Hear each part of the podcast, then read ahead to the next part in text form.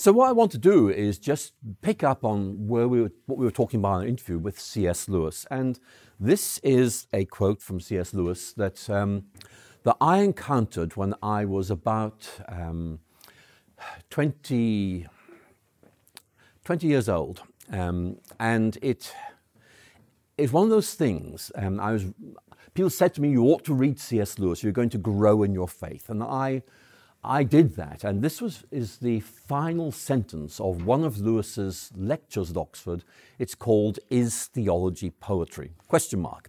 If you want to know the answer, well, it all depends on what you mean by poetry and what you mean by theology, but this is how that lecture ended. And I read these works, and I thought, these words are just wonderful. This is articulating an idea that Christianity illuminates reality. It's a very powerful, imaginative way of thinking. And Lewis is very, very good at stimulating our imaginations. And he's saying, look, imagine you are standing on a, a hill at dawn, and below you everything is dark, it's shrouded in mist, and as the sun rises, the shadows begin to disappear, the mist begins to burn off, and you see things clearly. A little bit of shadows remain, a little bit of mist, but you see much more clearly than before. Christianity illuminates life and that you see the way things really are, and you reorientate yourself accordingly. I found that wonderful. It was so deep, so rich. I thought this needs further investigation, and so I began to look at that. So let me show you a picture of C.S. Lewis. This is a picture of C.S. Lewis in May 1917 at Oxford University. And he is standing there, at the back, uh, far right hand side. He's looking at us. And I, I, want to do a mental experiment with you. Um, do you think Lewis was thinking, in uh, about uh, 50 or 60 years' time, I'm going to be one of the best known Christian writers there is and help lots of people grow in their faith? Well, no, I, he, he would not, because this is May 1917 in the First World War. And Lewis at this time was quite an aggressive atheist. And he was at Oxford not to study academically because the First World War had interrupted that. He'd gone to Oxford and was going to go into a military training unit. And then in November of that year, he would be posted to the front line of the First World War in northwestern France. And the question on Lewis's mind would have been Will I come home? Because the attrition rate, the death rate amongst junior officers was very, very high. There's a very famous letter of Lewis to one of his friends saying there were five of us who trained at Oxford. I'm the only one who came back. So 80% attrition rate. So Lewis, in effect, there, no sense of what lay ahead in the future. And historically, that's very interesting. Theologically, this is about God's grace in action. Because, in effect, in God's great wisdom, God took somebody who was an atheist and knew why he was an atheist and made him into a Christian who knew why he was a Christian. So he was able to speak to atheists, to non believers, and say, I know where you are. I've been there, but I've moved on, and I want you to move on too. So, Lewis, in many ways, is a, an ideal apologist. He's just so well placed to talk about things. So there's a very brief uh, background to um, Lewis. You can read that. But the point I really want to note is the triple first at Oxford. What does that mean? It means that Lewis began by studying classics. There are two points at which you're assessed in that Oxford degree. Lewis got first class honours, that's the highest honours you can get in both of those, and then did the Oxford English degree in one year. The Oxford English degree is meant to last three years. Lewis packed it all into one year and got first class honours. You can see immediately we are dealing with a, a very intelligent person. But interestingly, Lewis, um, as he was thinking about uh, the great questions of life, I think he began to think, well, look, atheism might. atheism might be interesting, but it, it doesn't really engage my imagination. It doesn't really answer my big questions. And so we find Lewis beginning to think atheism was rather impoverished and impoverishing. In other words, it limits you. I'll come back to that later in this lecture. And we find Lewis writing these words in his autobiography, Surprised by Joy. A young man who wishes to remain a sound atheist cannot be too careful of his reading. There are traps everywhere. What Lewis meant by that is you will read writers who say things that suddenly make you think, oh, I, I need to rethink things. One of those writers was George Herbert, a well known English poet. And Lewis said, Look, uh, he, at this time Lewis was an atheist. This guy is kind of a build, he has a, he's investing in this Christian mythology stuff, but he, he understands what human nature is all about and he's found the ways of expressing this, beginning to realize that there are other options available. So Lewis, I think, is very interesting in many ways. Basically, Lewis, um, Lewis really um, came to faith in two stages. The first stage was a realization, which probably happened in the summer of 1929, although that, that is open to discussion. But he really um, came to realize that belief in God made far more sense than atheism. And it, it really gave him a sense of identity and purpose, but he could not see how to move from believing that there was a God to believing in Christianity.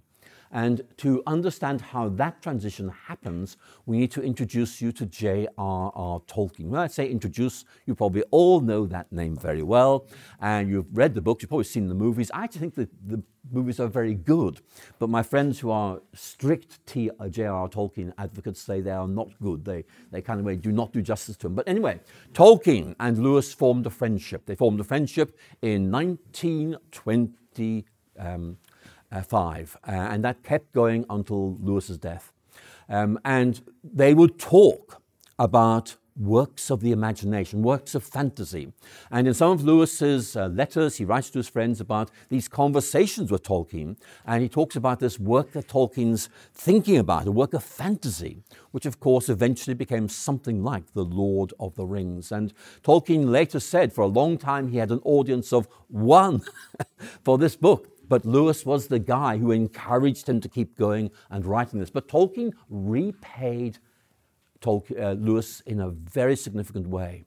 In 1931, in September 1931, Lewis, J.R. Tolkien, Hugh Dyson, who became professor of English at Oxford, had a long walk around um, College Gardens. And they went round and round and round, and they were talking about the place of story in understanding the world and in faith.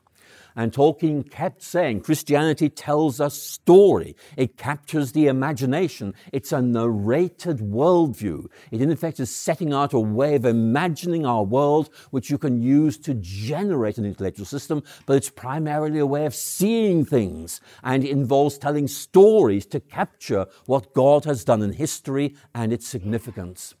And that made the connection for Lewis. He could see Christ is part of this. He, in effect, is part of this story. We're invited to join this story, and we'll look at this in more detail later. But clearly, what Lewis began to realize is that Christianity was about telling a story that was true, that interpreted the meaning of life, and gave you a way of beginning to do apologetics. And so you might think of his autobiography, Surprised by Joy, which in one sense is just Lewis telling his own story, but in another sense is, is setting out how he changed his mind and therefore how his readers could change their minds as well. So Lewis there um, basically uh, take you through his um, um, his change of mind. Christianity is primarily a grand narrative and narrated worldview or a myth, a myth in the proper sense of the word, a story that is loaded with ideas. And by embracing the story, you embrace the ideas as well. So let's move on and look again at Lewis, because this is um, really quite interesting. This is a, a debate Lewis had in the late 1920s. The debate is historically interesting, but I'm going to focus on its apologetic importance. Lewis is asking this question what does a writer do? What does a poet do? And his answer is very, very simple. Um, a, the poet is not someone who asks me to look at him, he's someone who says, look at that, and points. In other words, it's all about having seen something, having realized something and wanting the audience to see this, to realize this as well. I've seen something, and in my writing, in my speaking, I want you to see this as well. Um, the poet's not someone who asks me to look at him. He points and says, Look at that. Not a spectacle, look at me, but a set of spectacles, look through me. And so, what Lewis is doing in his writing is saying, I have seen something, and I want you to see this as well. What's he seen? Well, the vision of the gospel, an understanding of the Christian faith that makes sense, that transforms life. And what Lewis is saying, I, I've seen that. And in my writing, in my speaking, I want you to see that as well. So it's a very powerful approach to apologetics. It's about almost inviting you to see apologetics as stepping into a way of seeing the world and exploring it, asking what difference does this make? And that's in many ways what Lewis is doing in Narnia. Narnia, if you like, is about seeing the world in a Christian way. Lewis is inviting us to step inside us and see the difference that this makes. And I'll talk more about that later in this lecture. So, um, Lewis was very, very clear that uh, apologetics is important, and Lewis began to discover how stories could be really effective. So, we look at his very first work of apologetics, which is the problem of pain. Uh, some of you have read that book. It is um, it's a cognitive analysis. The key thing you need to understand is that in many ways this was Lewis's first attempt to do apologetics. And interestingly, he wrote this book not because he really wanted to, but because someone asked him to. Um, Lewis was asked to write this book by a, uh, editor who had um, come across him and said, Look, we need somebody to write a good book on this topic, the problem of pain. We think you could do this. Will you do it? In other words, it was external validation of Lewis's growing internal sense that he might be able to be an apologist. So you've read that book, probably, many of you, and it's still in print. It's a very good book in many ways, um, but it doesn't use narratives really. And Lewis began to use that um, around this time and became increasingly aware of its importance in the 1940s. Why did Lewis use narratives to do apologetics? Well, the answer lies partly in a British writer called H.G. Wells. H.G. Wells, who wrote science fiction novels in the 1890s, such as um, The War of the Worlds, The Invisible Man, and books like that, The Time Machine. And Lewis had read these and, and thought something like this. This man writes very, very well, and his narrative captures my attention. But the narrative conveys a sort of materialist worldview. I don't like that. And Lewis at some point seems to have thought, what if I could use H.G. Wells's medium, in other words, writing narratives, but this time to critique the kind of worldview that H.G. Wells expresses. And so the first example of this we find is what's sometimes called the science fiction trilogy, uh, the Other Silent Planet, Perelandra, That Hideous Strength.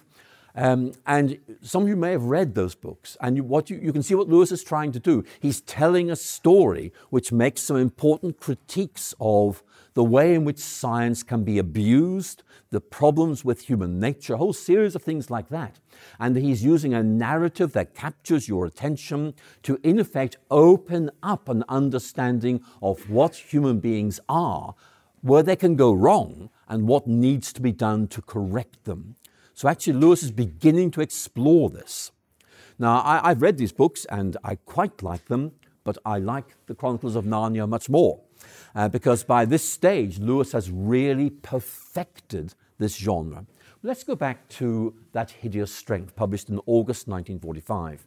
One of the key themes in this book is that uh, science enables humanity to do some things. And the problem is, we aren't ready for what science can do. There's a sense in which, you know, once we make certain moves, we can't undo them. And of course, Lewis's book was published in, on August the 11th, um, 1945, just after the atomic bombs were dropped on Japan. And certainly in Britain, people began to feel this man, Lewis, has pointed out a real problem. Science has caused us to enter a new world, and it's a frightening world. And we're not ready to live in that. So, in many ways, Lewis was using narratives to open up these deep questions. But of course, the Chronicles of Narnia are the classic example of that, and I'll talk about those in a few minutes. Then Lewis moved to Cambridge in 1955. It was a good move. Lewis had been at Oxford for too long. He'd made lots of friends, he'd made lots of enemies. But at Cambridge, he went to a very small college, very friendly college, felt completely at home there, and he began to do a slightly different kind of apologetics. Lewis talks about this. He says, Look, I've been talking to people outside the church, outside faith for too long. I now need to help those who want reassurance about their faith. In other words, if you like, he, he used to face this way, addressing um, a wide culture. Now he turns and faces a church audience and saying, I want to help Christians grow in their faith. So books like Reflections on the Psalms, The Four Loves are actually really written to help Christians grow in their faith. So that is something about Lewis. Let's now move on and um, look at some important point. I want to begin by thinking through with you the difference between stories and arguments because they're quite different. I mean, I want to begin by saying that arguments are really important because it is really important that we keep keep showing the rationality, the reasonableness of Christianity to our culture. That is something I think is very important. And Lewis does um, engage in some arguments, particularly in mere Christianity, as I'm sure many of you will know. But stories, I think, allow us to say something slightly different. Not simply that Christianity is right, but also that Christianity is real, that Christianity has the capacity to capture us, to take us over, to in effect to change the way we live, not simply the way we think. And that's a very important point. Um, Lewis is really emphasizing that the stories of our lives are apologetically important. It's not just showing Christian ideas are right, it's showing that Christian ideas make a difference. And therefore, in telling your stories, you're not simply saying, I think Christianity is right, you're also saying it is meaningful, it's life changing. And that is really important because there are many things that are true that are existentially irrelevant. Bear that in mind. I gave an example yesterday. I said, look, in Britain, Queen Victoria died in 1901. I'm going to tell you that it makes no difference to anyone whatsoever. But what Christianity is doing is telling a story which, if it's right, it changes everything. It's a game changer. And that's one of the points Lewis really brings out very clearly. And we need to show Christianity is relevant in the sense it can change our lives. And that means that telling our stories is really a very important aspect of our apologetic way of engaging people. Sure, we can argue but one of the things we can also do is tell our own stories because in doing so, we are saying not simply we believe Christianity to be right, but also exhibiting, demonstrating, manifesting the fact that Christianity has become part of us and we believe for the good. So that's what, the background to all of this is. And I think it's very important that we think about um, our shifting culture. I'm going to talk to you a little bit about the new atheism. That's, that, that began to emerge in around 2006 with Richard Dawkins' book, The God Delusion. There was initially huge media interest, and it now has faded. I had to explain to someone in Oxford the other day who Richard Dawkins was because they hadn't heard of him. Um, but that, that, just shows you how, in many ways, you know, something that, that seems terribly new and exciting fades away very quickly, and the new atheism has. And many new atheists are now expressing disillusionment and dissatisfaction. And you could explain this in various ways. You could give the arguments against the new atheism. But actually, a friend of mine, um, Denis Alexander, and I, um, noticed that a lot of people would come to us and tell the stories of how initially they were drawn to Richard Dawkins. Then, as they looked into his writings more closely, they felt this, this, this isn't right. This doesn't make sense. This is wrong. He mis- overstates, he misrepresents Christianity. And so, what we did was simply to bring together 12 stories, people telling their stories. We used to think Richard Dawkins was wonderful. We read him, and for various reasons, these journalists, these scientists, these politicians, and all these people, in effect, were saying we were disillusioned and began to look at Christianity more closely and are now Christians. And the point is, while the arguments they use are interesting, it's their stories that really matter. And this book has sold really very well because it tells stories. It's 12 people telling their stories. So that's interesting. But let's go back now to um, uh, Lewis.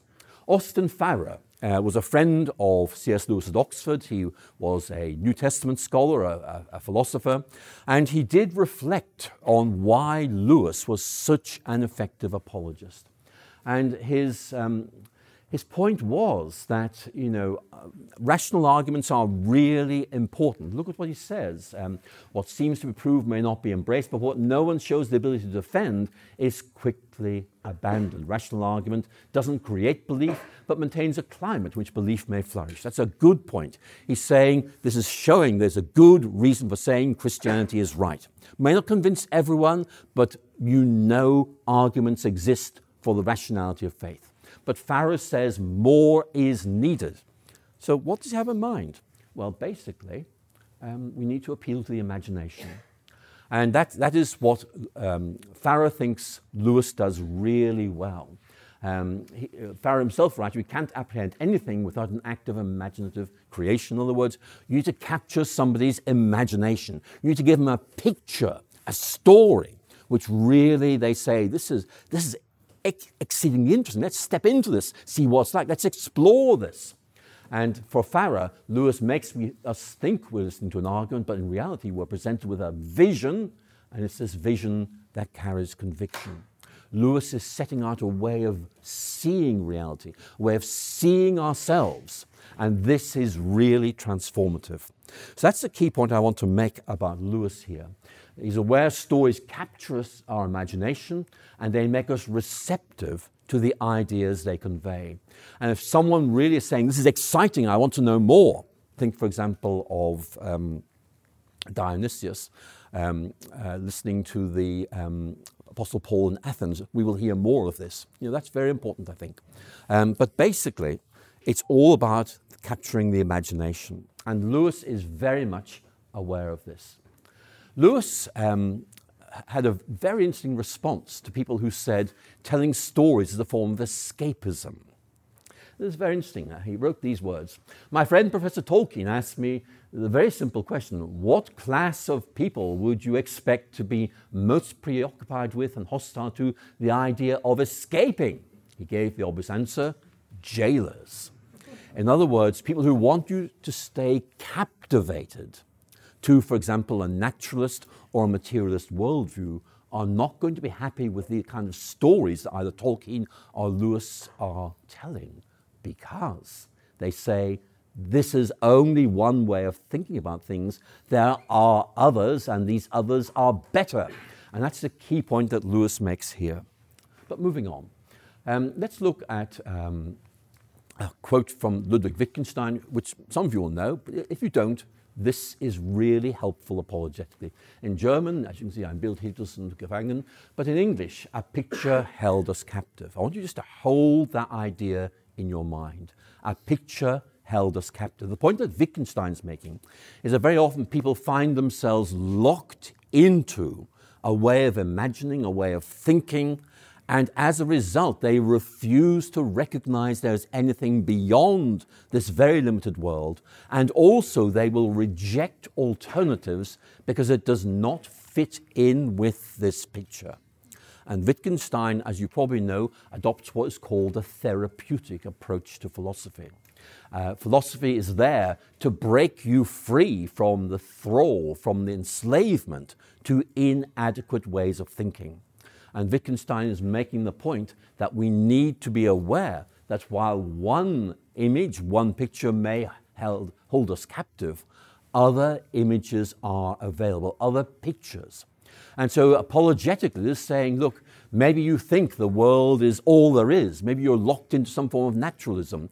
But let's think about alternatives. Let's look at some other pictures. Imagine you're going to a picture gallery, okay? And you're looking at this one, then you look at that one, and this one, and this one, and you're not limited by one. There are others available. And Wittgenstein's point is that our culture very often locks itself into one way of thinking. And the task of apologetics is to say there are other ways of thinking possible and to, to live by this. And in many ways, that's what Lewis is doing, he doesn't quote Wittgenstein. Um, he really is saying, look, I'm going to show you other ways of imaging, picturing the world and living within it. And so it's a very powerful idea. It's about critiquing the dominant worldview and saying alternatives are available and explaining what feels like to stand within a Christian way of thinking. And Lewis's Chronicles of Narnia, in many ways, are in effect setting out this way of thinking. So um, let's begin to think about Narnia, because that, I think, is the main topic of this lecture. And Lewis here draws on his experiences of his childhood. And Lewis was reflecting on this question why is it that so many young children are put off Christianity? And his answer, uh, whether right or wrong, is that very often Christianity is presented to them in very didactic and unimaginative ways. And Lewis remembers the sheer joy he experienced in reading stories like, well, I don't know if any of you've read um, Squirrel Nutkin or, or, those kind of stories. They were very popular in Edwardian England when Lewis was growing up. But basically, Lewis was, was thinking, why, why can't somebody write a story which expresses Christianity in an imaginatively powerful and engaging way, which leads you into a world which might not be called Christianity, but which nevertheless exhibits what Christianity is all about? And of course, that's what Narnia really is. So, if you like, Lewis here really is reaching back into his own past and uh, is using children's stories as a gateway to the imagination, not just for young people, but also for grown ups. And one of the points that, that Lewis makes in, in, in, an essay he wrote on fairy stories is that while children, you know, naturally seem to resonate with these kind of stories, actually they also work very well for adults as well. Lewis's idea of a supposal is very important here. This is what Lewis means by that idea. Suppose, imagine, you know, suppose there were a world like Narnia and it needed rescuing, and the Son of God or the great emperor overseas went to redeem it as he came to redeem ours. What might it in that world all have been like?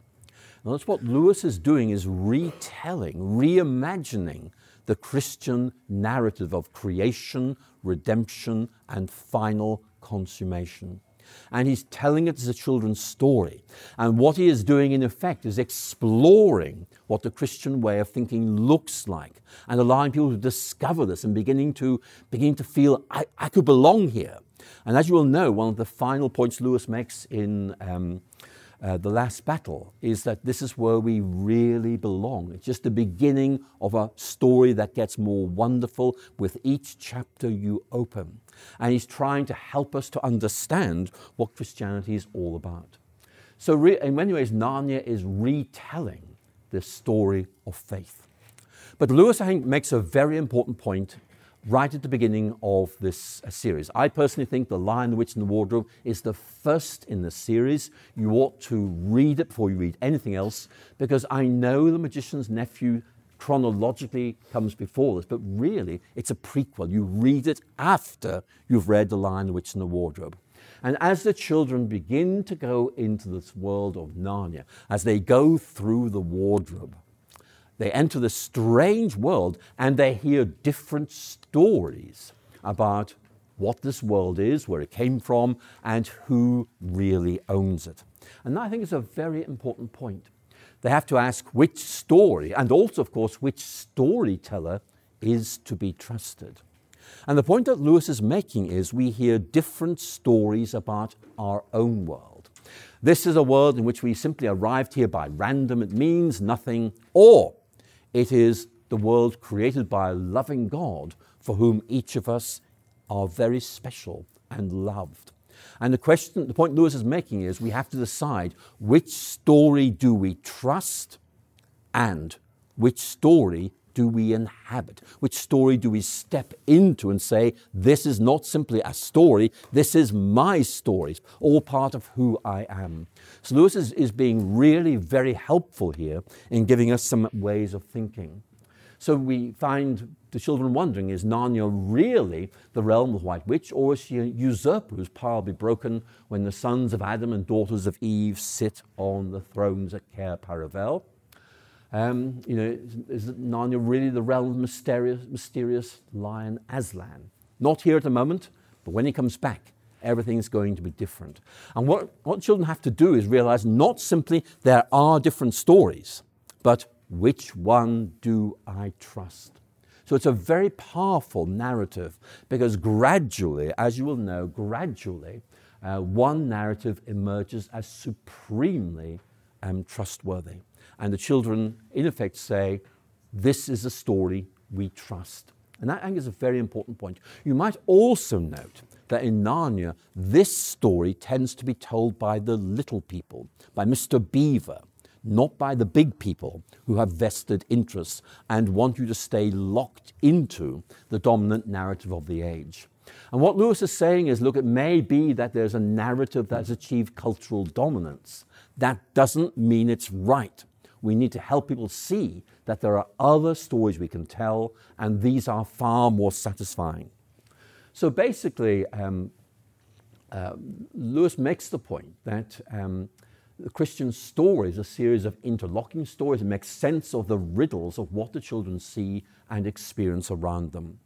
And that is a, a, a, really important theme for Lewis. And I haven't got time to talk about this in detail in this lecture, but certainly let me let me reassure you, one of the key themes of Lewis's approach to apologetics is that the Christian way of thinking, the Christian story, the Christian meta narrative, the grand picture, whatever you want to call it, is not simply good at explaining what we see around us and experience within us. It also generates meaning and values. In other words, it helps us understand who we really are. It reassures us that we really do matter and it makes sense of this world, but it also gives us a deeper understanding of who we really are. Back to that image I gave you right at the beginning of this lecture the sun rising. And as it illuminates the world, we begin to realize that Christianity is able to make so much sense of what we see around us and experience within us. And we can talk more about that in Q&A if you'd like. But there is another point that Lewis wants to make, and maybe if you're going to remember only one thing from this lecture, it's this, okay? The really important point that Lewis wants to make is when the children realize this story is the best story, this is the right story, they become part of it. And the point Lewis is making is that the children each has their own story. Their individuality never disappears. They're always who they are. And yet they step into this bigger story. And so their own personal story is expanded, it's enriched, and they are given meaning and significance because they become part of a bigger story within which they each have a distinctive role to play. And that's a really important view. Let me just explain to you something about myself. When I was um, younger, when I was about 18 years old, I really became very interested in Marxism. Um, this was back in the late 1960s. It was a very, very common uh, theme around that time. And um, I didn't stay a Marxist for very long because I began to realize it didn't really make all that much sense. But I want you to understand this point. One of the reasons I was drawn to Marxism is it offered a big picture of our world.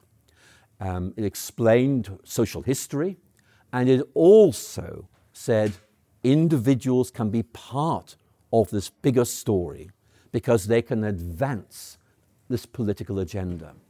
And the thing that drew me to it was it was a story that made space for me. I could step into the story and become part of it.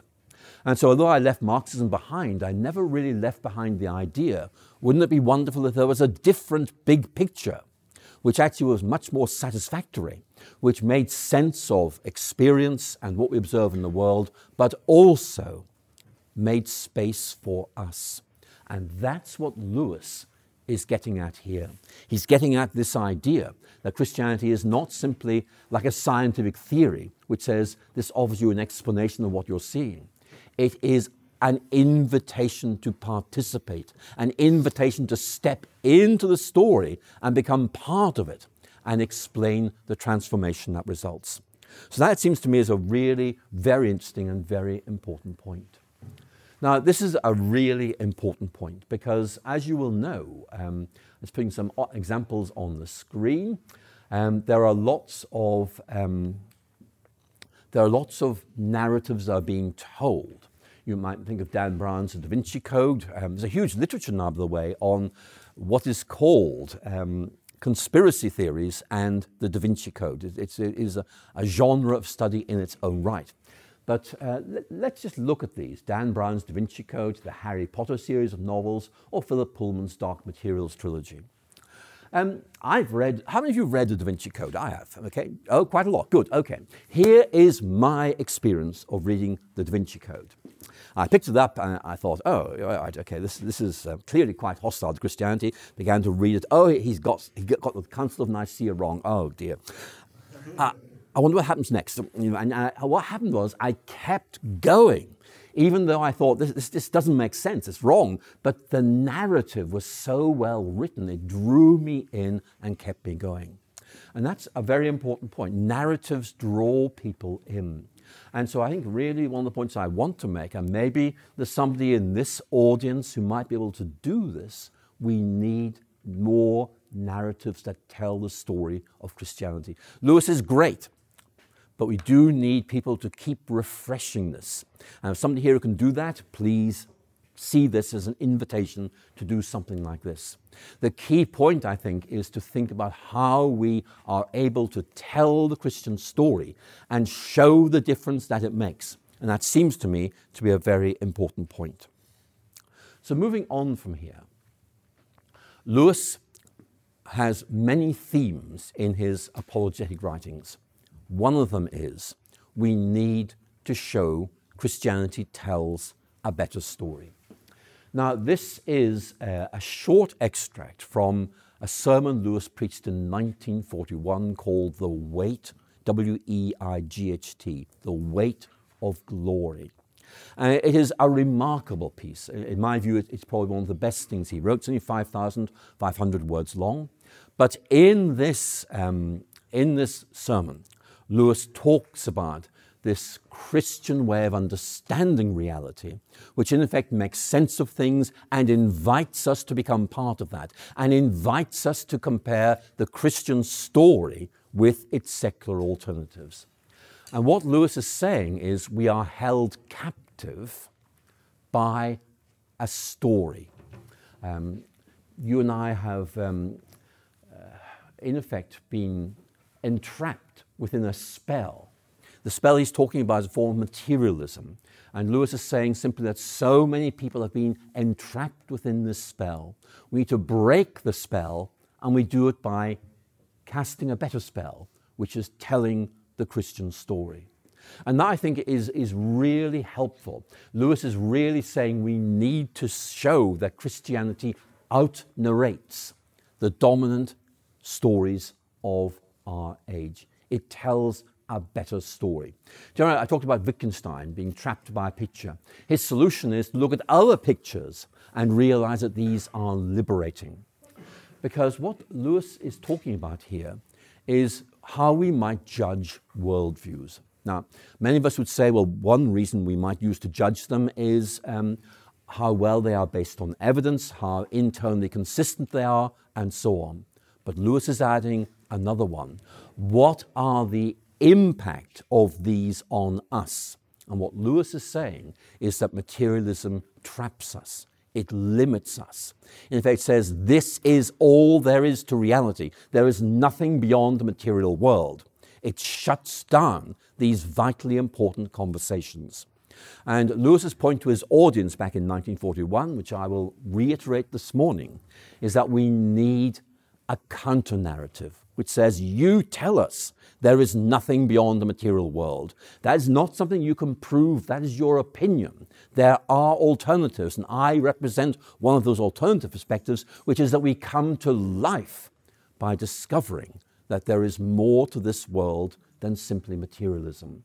We tell a story which subverts this dominant materialist narrative. And Lewis is inviting us really to do that. So, obviously, there's much more I could say about that. But the key point I simply want to make is Lewis is saying that narratives are really important. Um, this is a quote from J.R.R. Tolkien. I'll explain what it means. If God is mythopoeic, then man must become mythopathic. The point that Tolkien is making, and Lewis picked this up, is if God likes telling stories, then we need to like listening to stories. And it's really just saying that we are not kind of way inventing stories as an apologetic technique. Tolkien is saying this is a legitimate way of doing this. And if you want to go further, um, Tolkien actually grounds this in the doctrine of the image of God. That in effect, for Lewis, for Tolkien, the image of God is a kind of imaginative template, which means we tend to tell stories which reflect our real identity as God's creatures. So, my question, really, in bringing this lecture to a close, is this What stories can we tell? I've emphasized that for Lewis, we need to break the stranglehold of dominant materialist narratives. How can we do that? And Lewis's answer is, in part, by telling better stories. So, what, what stories might we tell? Well, a very good uh, place to begin might be the Bible, which contains many, many stories. And perhaps we can use those to begin, begin to capture people's imaginations and plant seeds of doubt about the dominant narratives of our culture. For example, think about the parables. The parable I often use in talking to people about this is the parable of the pearl of great price from Matthew chapter 13. You all know that story. It's about a merchant who presumably knows good things when he sees them, but sees this beautiful pearl and knows he will not be satisfied until he buys it and is prepared to sell everything in order to buy it. It's, without that pearl, his life is incomplete. Now, you can tell that story. You can say, in fact, look, I, I was journeying through life. I tried various ways of thinking, little pearls. Then, finally, I discovered this beautiful pearl, which I didn't have to buy. It was given to me, and it's changed my life. And that is a very important way of talking about this. You have found something transformative. And that's one of the things you need to explain to people. This story, this way of thinking, this image, this way of picturing reality, which we call Christianity, is able to capture imaginations, bring satisfaction, and liberate us from the shackles of materialist worldview. Or perhaps you could tell our own stories, which is what I'm leading into in many ways. I could tell my story, I told you a little bit about already, but you can see it's a story of somebody who once thought the only serious option was atheism, and then had to realize A, atheism didn't really make all that much sense and wasn't existentially interesting, but Christianity was. And I learned that partly through talking to other Christians who told me their stories and helped me to see there was an alternative to what I had thought was the only serious option for a thinking person. So, again, I want to emphasize that point. Each of you, by telling your own story, subverts the idea that there's only one story that can be told, which is a meaningless world, and that's it. Or, of course, we can pick up on something from Narnia. Lewis uses Narnia very profoundly. I'm going to end now by telling you one aspect of Narnia that really intrigues me. I find it difficult to explain the idea of sin to a postmodern audience. But very often when I'm doing that, I will pick up on the voyage of the Dawn Treader and the very famous episode, which is usually called the undragoning of Eustace. I'll tell you what that is because it's very interesting because it's one of the points in the Chronicles of Narnia in which Lewis is drawing on a Nordic heritage. So this is a tribute to this audience this morning. Um, Eustace Scrubb is a British schoolboy um, who is very, very greedy.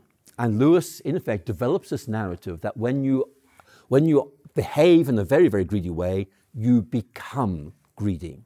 And of course, uh, Lewis is very well steeped in Nordic mythology. He knows the myth of the dragon Fafnir, and so he, in effect, portrays Eustace as changing into a dragon. He's trapped. He's using this image to express the idea you are trapped and you can't break free. So Eustace, uh, having enjoyed being a dragon for a, a, short time, begins to realize it's not really all that much fun and says, I'd like to go back to being Eustace again, and tries to, you know, scratch off the dragon scales and says, I want to, I want to be back the way I was. And he realizes he is trapped that there is a power that is holding him that he cannot conquer. He is not able to break free from his self imposed imprisonment. In other words, sin is something that traps us. It's a very important element of the Christian understanding of sin, not the full picture I know, but a very important aspect of it. And then Lewis depicts Aslan arriving and taking Eustace, scratches off the dragon skin, puts him in a deep well, washes him, and he is restored. The point that Lewis is trying to make is sin is something that entraps us. It entraps us at the moral level. It entraps us at the imaginative level. It entraps us at the narrative level because we think there's only one story, which is a materialist naturalism. And our role as apologists, like Lewis before us, is to say that's just one way of thinking about it. There are other ways. And we need to break this power of a single narrative over people. Very often people talk about modernity as being um, you know, dominated by a single narrative. What we need to say is there is a different way of thinking, a better way of thinking. Lewis, I think, helps us to do this. But in many ways, Lewis is really saying to all of us, he's handing over to us. He's asking us, what stories would we tell to try and break the power of the dominant narrative of our culture. I could say more. I would talk about the American philosopher or the Canadian philosopher um, uh, Charles Taylor, I think is very good on this. But really, I just want to say C.S. Lewis is a wonderful stimulus as we think about how we explain Christianity and help people to see there is a better story that we can tell. So, ladies and gentlemen, thank you very much indeed for listening.